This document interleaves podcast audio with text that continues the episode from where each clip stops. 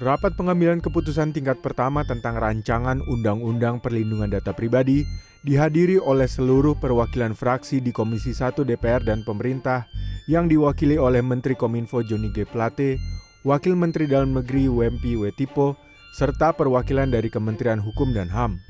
Mewakili pemerintah, Plate menyebut RUU PDP akan menjamin hak warga negara atas perlindungan data pribadi yang selama ini tak memiliki payung hukum yang jelas, terlebih marak kasus kebocoran data pribadi mulai korporasi, perorangan, lembaga swasta hingga lembaga pemerintah.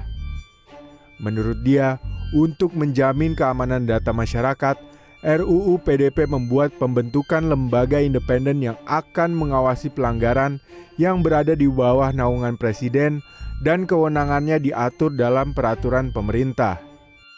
Lembaga itu dibentuk ya melalui PP dan menjadi kewenangan presiden. Berarti itu adalah cabang kekuasaan eksekutif ya, supaya jangan salah-salah lagi itu cabang kekuasaan eksekutif. Jangan menyebutnya independen-independen yang terminologinya menjadi tidak jelas nanti. Yang pasti itu adalah cabang kekuasaan eksekutif yang ditunjuk oleh presiden dan akan diatur di dalam peraturan pemerintah.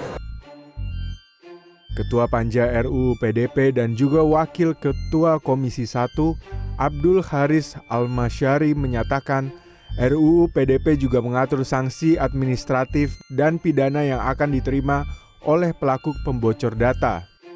Menyangkut sanksi administratif, besaran denda akan dihitung 2% dari pendapatan kotor instansi tersebut selama setahun.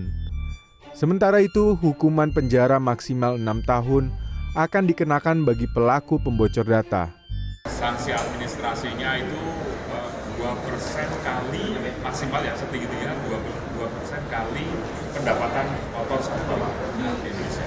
Dalam satu entitas ya pendapatan dalam hal ini mengacu pada PSHK 23 sanksi pidananya dari mulai ada satu tahun sampai uh, maksimal enam tahun. Pemerintah dan DPR berharap beratnya sanksi yang telah disepakati dan termaktub dalam RUU PDP akan memberi efek jerah bagi pelaku pembocor data.